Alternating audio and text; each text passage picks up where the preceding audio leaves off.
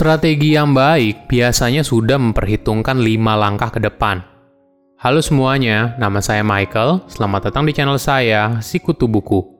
Kali ini saya akan bahas buku Your Next Five Moves karya Patrick Bet David. Sebelum kita mulai, buat kalian yang mau support channel ini agar terus berkarya, caranya gampang banget.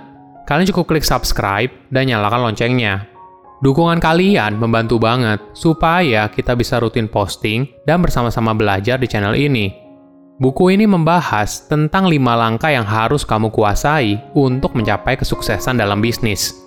Mungkin kamu penasaran kenapa harus lima langkah ke depan. Ada dua alasan utama.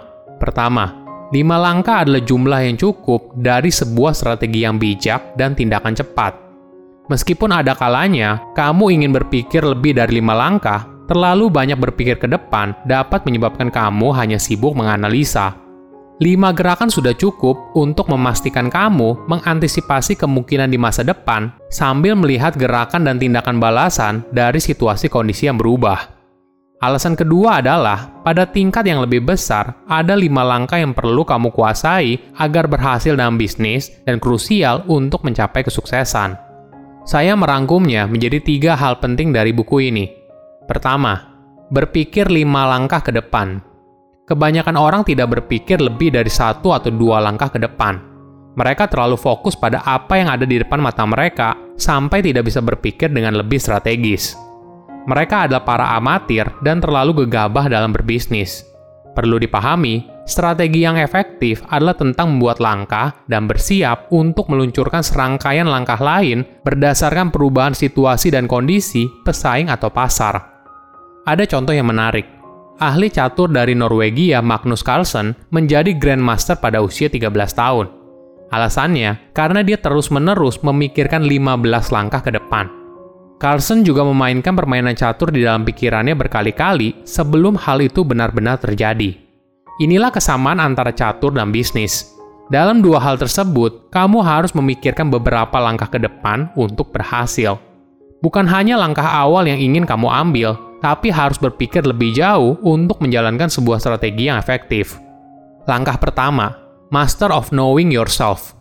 Mengenal diri sendiri jarang dibicarakan di kalangan bisnis, tapi tidak mungkin kamu bisa berpikir ke depan tanpa memahami diri sendiri dulu. Setelah kamu memutuskan ingin menjadi apa, maka arah mana yang akan diambil akan menjadi jauh lebih jelas. Ini hal yang penting, karena saat kamu bekerja pada hal yang menarik perhatianmu, maka kamu akan menjadi antusias dalam menjalaninya. Ada perspektif yang menarik.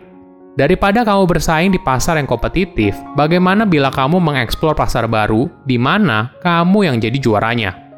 Coba cek lagi, apa keahlian unik kamu dan keunggulan kompetitif untuk menemukan blue oceanmu sendiri. Sebagai informasi, keunggulan kompetitif adalah faktor yang membuat kamu lebih baik daripada kompetitor. Kamu bisa mulai dengan mengajukan beberapa pertanyaan kepada dirimu sendiri. Apakah kamu bersaing dalam kondisi pasar yang kompetitif sekarang? Apakah kamu punya sumber daya yang cukup untuk bersaing? Apakah kompetitor kamu punya manfaat yang tidak bisa kamu tawarkan? Pertanyaan ini bertujuan untuk mencari pasar yang cocok dengan keahlian dan keunggulan kompetitifmu. Jika sudah, maka kamu perlu menjalani hidup seperti masa depan kamu sudah terwujud di saat ini. Contohnya begini: jika kamu ingin jadi chef, maka kamu harus bekerja seperti seorang chef dari sekarang.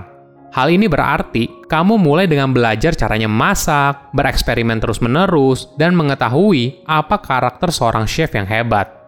Jika kamu sudah berpikir dan bekerja seperti chef yang hebat di awal, maka barulah kamu bisa menjadi chef yang hebat. Pemikiran yang sama juga bisa kamu aplikasikan ke dalam bisnis. Untuk menjadi perusahaan yang hebat, maka perusahaan tersebut harus berpikir dan berperilaku seperti perusahaan hebat dari awal.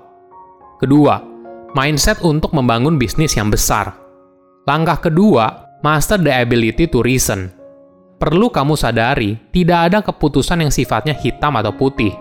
Penting untuk kita bisa melihat area abu-abu dan mengambil keputusan di tengah ketidakpastian. Seperti yang pernah diucapkan oleh raja dari Roma bernama Marcus Aurelius, kamu hanya bisa mengontrol pikiranmu sendiri, bukan kejadian yang ada di luar. Jika kamu menyadarinya, maka kamu akan menemukan kekuatan. Menurut saya, ini merupakan pengingat yang sangat baik.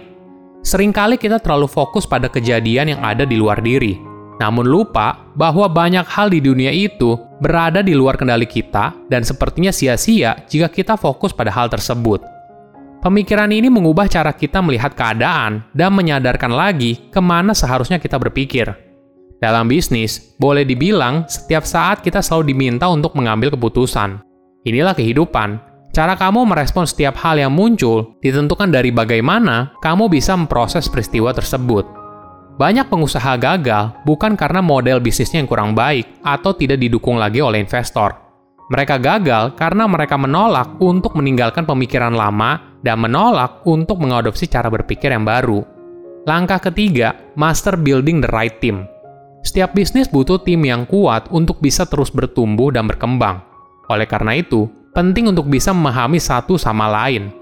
Bisnis yang sukses mampu membangun rasa percaya antara karyawan dan pemiliknya, sehingga kerjasama yang saling menguntungkan ini akan mempercepat perkembangan dari bisnis. Beberapa pemilik bisnis membuat kesalahan dengan berpikir kegiatan merekrut karyawan berakhir saat orang tersebut bergabung dalam perusahaan. Kenyataannya tidak seperti itu. Ketika kamu merekrut karyawan terbaik, kamu harus terus membuatnya bersemangat untuk berkontribusi terhadap perusahaan. Caranya bisa berbagai macam.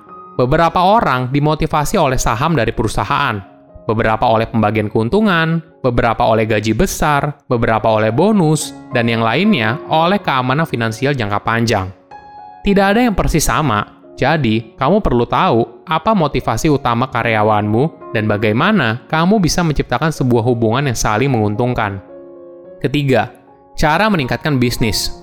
Langkah keempat adalah master strategi to scale. Sebelumnya kita sudah bahas bagaimana membangun tim yang tepat. Selanjutnya, kita harus mengerti bagaimana caranya untuk mengembangkan bisnis. Ada sebuah kutipan yang menarik dari Alexander the Great yang menyatakan kalau dia tidak takut dengan sekumpulan singa yang dipimpin oleh seekor domba. Tapi dia takut apabila sekumpulan domba yang dipimpin oleh seekor singa. Hal ini menunjukkan kalau seorang pemimpin yang hebat sangat disegani. Dalam dunia bisnis, mereka adalah pemimpin yang tahu bagaimana caranya untuk mengembangkan bisnis yang mereka jalani. Langkah kelima adalah master power place. Setiap bisnis pasti ada Goliath-nya, dan perusahaan ini tidak selalu menjadi perusahaan terbesar di industri kamu Goliath dapat berupa perusahaan yang mengambil pangsa pasar di wilayah tertentu atau punya keunggulan di wilayah tertentu. Sebelum kamu melawan Goliath, kamu perlu tahu bahwa Goliath lebih besar dari kamu dan memiliki lebih banyak modal, pengalaman, dan sumber daya. Tapi, Goliath cenderung melambat saat mereka menang dan akhirnya berhenti bekerja sekeras dulu. Jadi, ini adalah kesempatan yang bisa kamu gunakan untuk mengalahkan mereka.